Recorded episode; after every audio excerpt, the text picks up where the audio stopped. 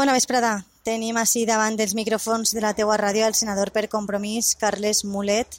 Eh, en breu podrem parlar amb ell. Està ara mateix parlant amb Emilio Martínez, regidor de Podem Més Compromís. També està Segis Moran i està també alguns representants de Xinosa, com ara el seu president Palomares. I també està eh, Ferran Díaz, que és a més tècnic de patrimoni de l'Ajuntament de Monover.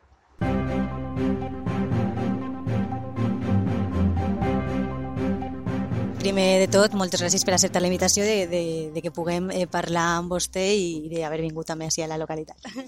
No, clar, és la nostra feina també, no? recórrer el, el nostre territori i veure els problemes que tenen els municipis i intentar aportar solucions des d'allà on estem.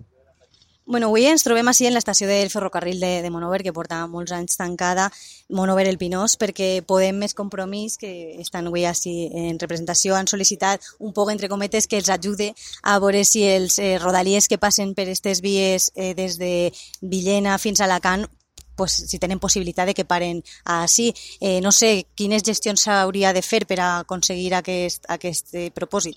Bé, nosaltres el que farem tant des del Congrés com el Senat així també Ignasi, que és el que serà diputat eh, el, dia, el dia 11, el dia 10 ja serà diputat, el que anem a fer és exigir-ho al govern. Nosaltres eh, són reivindicacions que sempre hem dut a Madrid, eh, via esmenes als pressupostos, via preguntes parlamentàries, anem a preguntar-li al ministre que hi haga de foment què és el que pensa fer, també quan tu li fas una pregunta li obligues a que prengui un posicionament i que digui els motius per què s'ha tancat aquesta estació i per què no volen obrir-la i després el que podem fer també és una moció, igual que s'hauran fet mocions en ajuntaments, una moció en Senat o una PNL en el Congrés exigint i que se posicionen tots els partits polítics per demanar-li al govern i a Foment que obrin aquesta estació, perquè pensem que és una cosa elemental i que tot el món ho pot entendre perfectament, no? Sí, sembla un poc discriminatori, no?, que pas de, en la majoria de, de pobles de la comarca, excepte en aquest.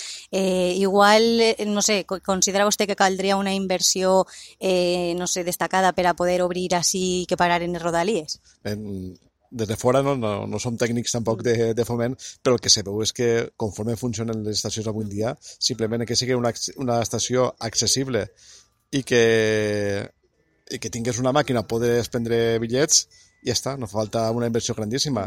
Així se fan inversions molt grans en foment, en, en crear línies d'AVE en llocs que ningú no gasta, eh, en qualsevol, per unir Madrid a qualsevol capital de províncies que després van buits i suposen una despesa grandíssima per les arques públiques i així que estem parlant de Calderilla eh, no té cap tipus d'explicació. I a més estem parlant d'una població gran, no estem parlant d'un municipi de 200 habitants que potencialment ningú té gastarà a l'estació, estem parlant de municipi eh, Monover gran, el Pinós i tot, inclús Elda se pot veure beneficiar de, de, de que se posi en funcionament. Per tant, entenem que no, no és, un, motiu, no és una, un cas de, de pressupost, no és un cas de, del cost que pugui tindre això, sinó simplement és un cas de, de voluntat política i pensem que fa falta apostar pel tren, perquè el tren és el futur, no, no estem parlant que que sigui una estació històrica molt bonica, que damunt dona molt, moltes oportunitats per a fer qualsevol tipus d'instal·lació cultural, eh, perquè això, el, el valor arquitectònic que té, eh, estem parlant del, del transport del futur, eh, estem parlant de que el, eh, el cotxe cada vegada tenim que gastar menys i l'alternativa té que ser el poder desplaçar-nos en transport col·lectiu